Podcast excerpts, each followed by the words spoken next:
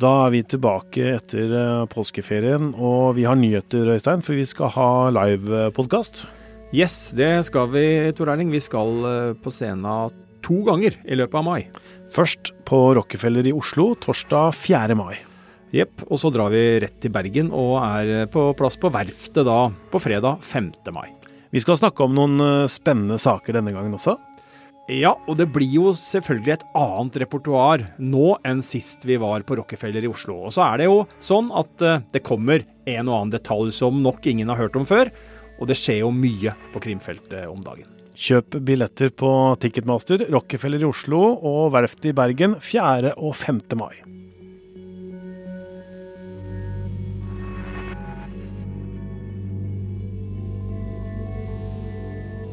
Det er eh, påskeaften i Steinkjer.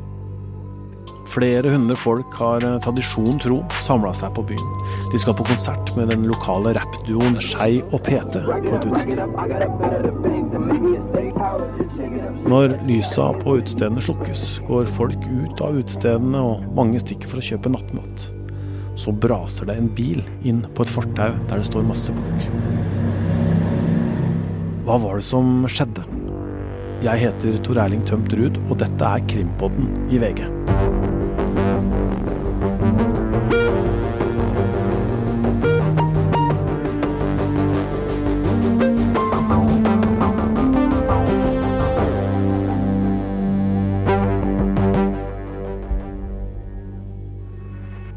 Det var ikke det eneste bildet på sosiale medier denne påska med fjell, Kvikk og blå himmel.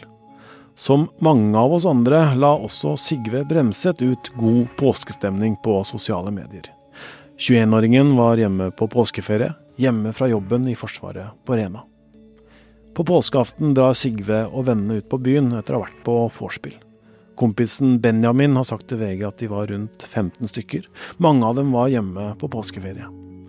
Rundt klokka halv elleve dro kompisene videre til konserten med Skei og PT på utestedet Vårt Hjem, der slagere som Målløs og Tikke mot helg dundra ut av anlegget en time seinere. Det var kjempegod stemning. Påskestemning.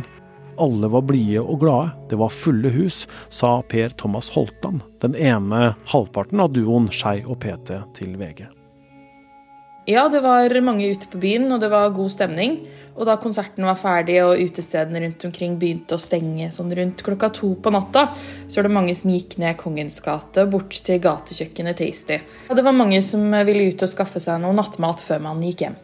Dette er Vilde Elgåen, reporter i VG som rykka til Steinkjer første påskedag. Det var god stemning på byen denne påskeaften. Samme kveld har en 30 år gammel mann vært på utestedet Kings Corner i løpet av kvelden. Etter å ha gått derfra har han kommet seg til en hvit varebil som er registrert på ham selv, satt seg inn i den og starta. Han har ikke lappen, han er fradømt retten til å kjøre bil. Like over klokka to på natta dukker den hvite Mitsubishien opp på fortauet, midt i sentrum av byen. Utafor gatekjøkkenet står folk i kø for å kjøpe nattmat. Så kommer bilen mot dem. Vitner har fortalt at folk skriker og må hoppe unna for å ikke bli treffet av den store bilen som gasser på. En som vi har snakka med, han hadde vært på samme konserten som Sigve. Og han og kompisene hans hadde gått til gatekjøkkenet for å, for å skaffe seg noe å spise før de, før de, dro hjem. Og han sto eh, inne på gatekjøkkenet med ryggen til og skulle til å bestille da han ser noe hvitt ut av sidesynet. Og han klarer ikke helt å, å, skjønne hva det skal være for noe, for det passer ikke inn at det skulle være noe hvitt som kom flyvende ut der. Og så forteller han at han hører skrik og snur seg rundt og springer ut døra, og der ser han folk ligge på bakken. Han går tilbake inn på det gatekjøkkenet og så sier at kompisen hans er nødt til å ringe etter en ambulanse, og så begynner han å lete etter en hjertestarter. Ifølge nyhetsnettstedet Steinkjer24 skal mannen ha kjørt ca. 70 meter på fortauet før han traff flere mennesker. Så kjørte han 40-50 meter videre på fortauet før han kjørte ut på veien igjen og stakk fra stedet. Tre personer blei påkjørt. Folk rundt begynte livredning. 21 år gamle Sigve Bremset døde av skadene han fikk. Sigve Bremset han var en ung mann som var svært aktiv i idrett og friluftsliv. Og han hadde en stor vennegjeng i mange miljøer. Og Sigve hadde stor omsorgsevne for de rundt seg, og han var en kul onkel til seks onkelbarn. Og han var stolt over jobben sin i Forsvaret. Det er det formidler hans nærmeste pårørende via bistandsadvokaten deres. Varebilen blei funnet i grøfta noen kilometer utafor sentrum. Der blei mannen, som er 30 år, pågrepet, og vitner har forklart at han gikk ustødig. Lille Steinkjer er ellers en rolig by.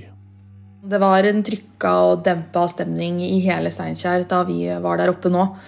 Eh, folk stiller seg spørsmålet at det skulle skje her. Eh, hvorfor skulle det skje akkurat i Steinkjer? Det er også noen som stiller seg spørsmålstegn ved om det er sånn at man skal gå rundt med, med øynene i nakken når man er ute nå. Så det er åpenbart at eh, denne hendelsen her har prega lokalbefolkningen i ganske, eller aller høyeste grad. På søndag kveld rundt klokka ni så begynte folk å trekke til, eh, til stedet der hvor denne påkjørselen skjedde. Og folk hadde med seg blomster og lys og samlet seg i en slags halvsirkel oppå fortauet der. Et telt av i hvert fall over 100 mennesker eh, i alle aldre som eh, holdt rundt hverandre og hadde en helt stille, helt rolig, eh, spontan minnestund. da. Så det var veldig sterkt å, å, se på. Kommunen og kirken de ble enige om å åpne kirkerommet Sånn at folk hadde mulighet til å, til å dra et sted og snakke med, med, fagpersonell og til å være sammen og snakke gjennom det som hadde skjedd. Så vi så at det var, var en del mennesker som benytta seg av det tilbudet. Prosten eh, som var der, hun fortalte at de var veldig opptatt av å, å, være der for ungdommene. Som jo, det var jo stort sett eh, ungdommer som var ute den kvelden, og det var jo ungdommer som kjente de som ble påkjørt. Så de eh, var veldig opptatt av å gi de et tilbud, sånn at de fikk fikk snakket gjennom hva det er de hadde sett, og hva de hadde opplevd, og, og også den sorgen som mange satt igjen med. Mandag ettermiddag gikk den sikta mannen inn i rettssalen i Trøndelag tingrett sammen med forsvareren sin, Anne Marstrander Berg. Han holdt blikket ned i bordet gjennom det meste av fengslingsmøtet, ifølge Adresseavisa. Mannen snakka stille. Han fortalte at han hadde hatt mareritt etter det som skjedde, han angra og kalte seg sjøl dum for å fyllekjøre. Mannen på 30 år sier at han har dårlig samvittighet overfor ham som døde, de etterlatte og ikke minst sin egen datter. Ja, Øystein, dette kom jo da midt i den ellers fredelige påska. Hva tenkte du da du hørte om dette som skjedde i Steinkjer? Nei, det er jo som du sier, da. En eh, stille og rolig og fin påske. Og så mm, Sjøl var jeg på hytta i, i Trysil, og så kom jo hastmeldingene om at uh, det har vært en som har kjørt på uh, noen uh, i Steinkjer. Og etter hvert også så kom det meldinger om at det virka som det var bevisst. Og da tenker man jo mye. hva er det dette handler om? er det en ulykke? Er det terror? Er det psykiatri?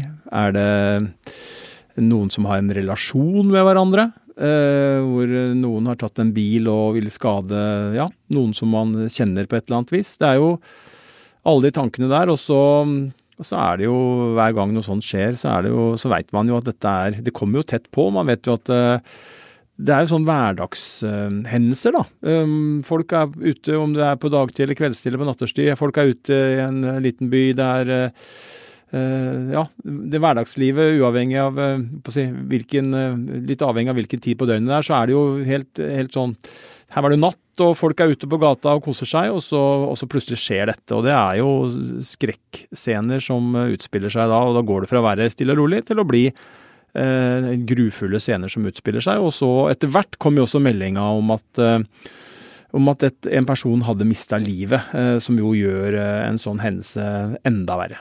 Hva gjør det med en, eh, en liten by? Nei, det er klart at dette er uh, ting som rokker ved hverdagstryggheten uh, til folk. Uh, som vi var inne på, så er det jo sånn at man har jo på å si, lokalsamfunn, byer, småbyer, tettsteder, så har man et sånt hverdagsliv, enten som forandrer seg litt gjennom døgnet, selvfølgelig, men, men det er jo ganske likt fra en fredag kveld til en neste fredag kveld til en tredje fredag kvelden, hvis vi snakker om det.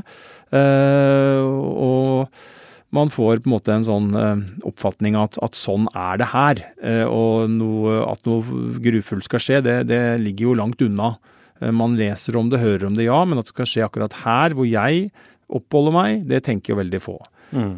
Og så vet vi jo da at plutselig rammer det, og plutselig skjer det. På steder som de som bor der og lever der, ikke innbilte seg at noe sånt skulle kunne forekomme. Og så er det jo sånn i Norge at stedene er små. Folk kjenner hverandre, ikke sant? Ja, det er veldig mange steder sånn at i hvert fall de i samme aldersgruppe kjenner veldig stor andel av de som er, på, på, er jevnaldrende med deg, uh, og også på kryss og tvers av, av generasjoner. og det er uh, Steinkjer er en by, men samtidig et såpass lite lokalsamfunn at veldig mange kjenner hverandre, eller i hvert fall vet om hverandre. og det gjør jo selvfølgelig at, at ting kommer veldig tett på når noe sånt skjer. Mm. Og så har det da vært eh, varetektsfengsling i løpet av påska også. Påtalemyndigheten de eh, ba om fire uker, eh, at denne siktede skulle være fengsla i fire uker. Men de endte med å få to ukers varetektsfengsling. Og da sier politiet da at de må gjøre kritiske etterforskningsskritt i løpet av disse to ukene. Hva, hva går det ut på? Generelt så handler jo det om å øh, sikre seg informasjon øh, som vedkommende som da er sikta, og som har erkjent og kjørt bilen, og som nå sitter i varetekt, eh, kan påvirke eller ødelegge på et vis. Og da er det jo i første omgang så er det jo å avhøre vitner. Eh, skaffe seg så mye informasjon, få tak i så mange av de som har hørt eller sett noe, sånn at de kan forklare seg uh, i, si, uten at det er noen fare for at denne 30-åringen uh, kommer i kontakt med dem. Men også at han kan bli avhørt, eh, vil jeg tro at man ønsker seg, uh, før, um, før, han kan komme ut og høre hva de har sagt. Så det er liksom to ting. Det er å påvirke hva de sier før de, før de sier det, og så er det å eventuelt uh, få med seg hva, hva, som er fortalt før han uh, avgir en forklaring. Det er jo noe politiet i en del tilfeller ønsker seg å kunne få forklaringa til den som er sikta for noe, uten at han eller hun kjenner til hva som finnes av f.eks. vitneforklaringer om den hendelsen. Man ønsker at du skal forklare deg på et fritt grunnlag, og at du skal fortelle uh, eh, upåvirka av uh, andre bevis, som det kalles. da. Et avhør av et vitne er jo et bevis. Uh, og sånn sett at din versjon blir så nøytral, objektiv og korrekt som mulig. Vi hører jo ofte om varetektsfengsling. Altså Varetektsfengsling er jo å bli satt i fengsel uh, uh, uten dom. Uh, det er jo før på en måte det kommer i rettssaker og, og, sånne ting, men det er i, forbindelse med etterforskningen. Og så hører vi da at som regel så er det varetektsfengsling fire uker. Det er på en måte det vanlige, men her ble det to. Hva er det som spiller inn på at på dommeren da faller ned på at det blir to isteden? Det kan være litt ulike ting, og man kan jo kanskje si at det er litt overraskende at i en sak som denne at man ikke får fire uker. Det er eh, vært en dramatisk hendelse. Eh, det er gått eh, tapt et liv. Og det framstår jo ganske åpenbart at politiet må få si, arbeidsro, og at man må få lov å jobbe og etterforske den saken med da denne siktede i kontrollerte former, og da i varetektsfengsel. Så samtidig så er jo retten skal jo på en måte sørge for at politiet har progresjon og jobber eh, så raskt som man bør forvente. Og da hender det jo at man da eh, stiller krav til eh, politiet gjennom å redusere varetektstida. Og det er jo da skjedd her. Og det betyr jo da at politiet nå må jobbe kanskje med et enda større trykk enn man hadde tenkt, og at man må flytte flere folk over på saken, eller hva det måtte være. Og vi vet jo i tillegg til vitneavhør at de skal sikre da ulike, og har tatt, og skal gå gjennom uh, digitale beslag. Uh, det, det, kan jo være alt fra ja, mye videobilder, vil jeg tro, som man jo ønsker å se på og analysere, og så stille spørsmål og avhøre da Eh, den siktede om, hvis det er sånn at eh, noe av det han har gjort den kvelden, og hvor han har vært og hvor han har kjørt, er fanga opp på disse videobildene f.eks. Og så er det viktig å få på plass et hendelsesforløp. Eh, sånn at man en tidslinje, det hører vi ofte om i rettssaker. at Tidslinjer er viktig, og det er ikke så veldig rart, fordi at det handler jo om å få så god oversikt som mulig, sånn at man kan få et bilde av saken, bilde av hendelsesforløpet, som er korrekt og detaljert. Denne sjåføren som nå er varetektsfengsla, han er 30 år og har jo vært involvert i saker med politiet før. Han er fra Steinkjer og norsk statsborger, og er dømt også flere ganger tidligere, Stein? Ja, han er ikke et ubeskrevet blad. Um, som du sier, han er dømt flere ganger, og han er jo bl.a. dømt for å ha kjøre uten gyldig førerkort. Han har blitt fratatt eh, lappen, for å bruke et eh, folkelig uttrykk, på livstid. Han er dømt for promillekjøring, trusler, oppbevaring av våpen. Um, så det er jo um, en del forhold der som, som er relativt alvorlige. Så vidt jeg har sett, så har han eh, sist blitt domfelt i 2018, og da var det, da for, disse, da var det for grove trusler. Meldinger eh, med, med trusler om, eh, om, at han skulle, som han skrev, noe om makabre, terrorlignende handlinger, som det heter i dommen. Og i den dommen så kommer det frem en del detaljer om mannen, og hvordan han er. Og blant annet så er det da en hendelse fra 2016 som peker seg ut. Ja, ikke sant. Og da, da skal jo han ha lagt store steiner og andre tunge gjenstander på, på togsporet utafor eh, Steinkjer der, eh, på en strekning på flere hundre meter. Og lokføreren eh, den gangen, han rakk heldigvis da å stoppe i tide. Uh, og, og, denne mannen som vi snakker om, blei da tiltalt for å ha forsøkt å få et tog til å spore av, men han, han blei frikjent. Ja, eh, dommeren var rett og slett i, i, tvil om han var i stand til å forstå de, eh, at de handlingene han gjorde kunne sette menneskeliv i fare, som det heter. Eh, og i dommen så står det at han gjorde dette for å, for å få action, oppleve action, og at han beskrev at tanken var at toget skulle kjøre inn i gjenstandene og skyve dem fremover seg, slik at gnistbruten sto, som eh, det heter i, eh, i, i dommen. Og Eh, da er det jo, når vi sitter her nå, så er det jo litt eh, på skjebnens ironi at uh, vi snakker av og til dette med smitteeffekt og sånn, og mens vi sitter her nå, så kommer det jo meldinger om at det har jo vært en, en si, lignende hendelse med tog i, mm. på Vestfoldbanen som har blitt som det har blitt lagt gjenstander i skinnegangen. Og nå er det jo, mens vi akkurat spiller inn denne episoden, så kommer det jo meldinger om at politiet nå etterlyser opplysninger om det. Og det var så vidt jeg kunne se noen brannslukningsapparater som var lagt på skinnegangen. Og, og Så vet ikke vi om det har sammenheng med at det har kommet fram nå i denne saken, at det ble gjort da for, for en del år siden? Det vet vi ikke, men uh, vi registrerer jo at det, det skjer jo uh, da noen dager etter at, uh, og mens denne saken er aktuell. Og så kan man jo da gjøre seg sine egne tanker om det er tilfeldig eller eh, ikke. Han ble altså frifunnet den gangen, eh, og bakgrunnen for det var en utredning av mannens eh, intellektuelle kapasitet og psykiske helse. Ja, og i utredningen så kommer det fram at mannen er lettere psykisk utviklingshemma. og retten kom jo da til at det var tvil om at tiltalte, da, som man omtales som da, så muligheten for at det han eh, gjorde, kunne føre til at eh, menneskeliv kunne gå tapt. Mm. Og så veit vi at eh, folk som kjenner ham, som VG har snakka med, sier at han er en sjenert mann, men også hjelpsom. Men nå er han altså da sikta for uaktsomt drap. Hvordan stiller han seg til det? Nei, han har jo da vært i avhør og erkjenner straffskyld, ifølge forsvareren, som også opplyser at han ikke anker fengslingskjennelsen, selv om han var eh, i utgangspunktet negativ til å bli varetektsfengsla og motsatte seg det, så har han da, etter at avgjørelsen kom, sagt at eh, det er greit. Og forsvareren har også sagt at, at han har gitt uttrykk for at det kan være greit med, med litt ro. Uaktsomt drap, hva vil det si? Uaktsomt drap handler jo om at det er en dødsfølge, selvfølgelig, da. Og så er det det at du har Eh, utført en handling hvor du har vært eh, lite omtenksom og, og, såkalt uaktsom, som gjør at du da eh, vi burde forstått at det kunne ende opp med, med, døden, men at ikke det var noe du ønsket eller forutså helt sånn konkret at det skulle skje. Mm. Men dette kan endre seg, ikke sant? At den siktelsen da får en annen status, som det heter?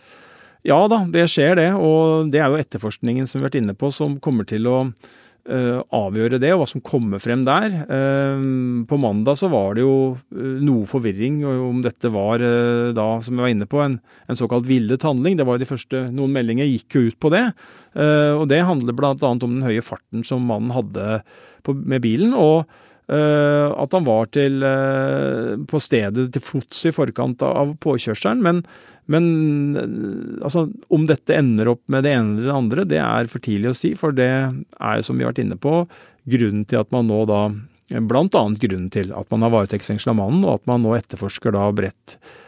Man har fått masse informasjon sånn rent umiddelbart, litt sånn foreløpig informasjon, men man trenger å gå gjennom dette grundig for å kunne se hele bildet. Og det er først da man kan avgjøre om, eh, om det da er en eh, Om det som politiet meldte om i en periode, i hvert fall, da, om det er grunn til å se dette som en slags villet handling, eller om det er da det som man har siktet ham for, et uaktsomt drap. VG har eh, snakka med to venner av siktede som forteller at eh, de var bekymra for ham, og har også varsla politiet flere ganger om diverse truende meldinger som siktede hadde skrevet til dem.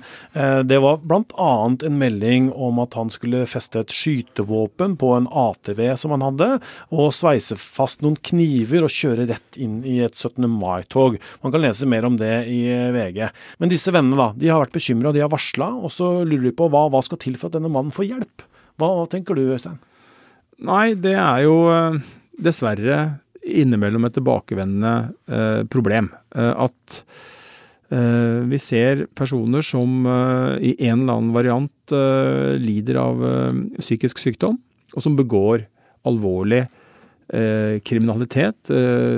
handlinger som kan være snakk om vold, og da også med dødelig utgang. Og det har vi sagt før, og det kan vi jo bare gjenta, at dessverre så er det nok ikke første gangen, eller det er ikke første gangen vi snakker om det, og det er nok dessverre ikke siste heller. Så det er eh, ja, et tilbakevendende problem som, eh, som er der. Mm.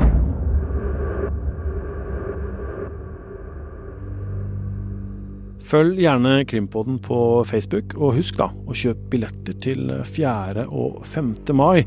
Da har vi altså livepodkast på Rockefeller i Oslo og Verftet i Bergen. Vilde Elgåen og Preben Sørensen Olsen har bidratt til journalistikken i denne episoden, som Ruth Einevold Nilsen og jeg har laga. Krimpoddens redaksjon består også av Guro Mjeltevik Halvorsen og Hanna Espevik. Øystein Milli er med, produsent er Vilde Worren, nyhetssjef er Emilie Hall Torp, og jeg heter Tor Erling Tømt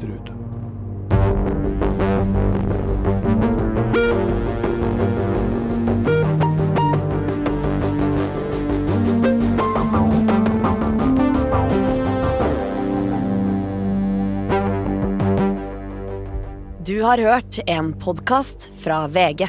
Ansvarlig redaktør, Gard Steiro.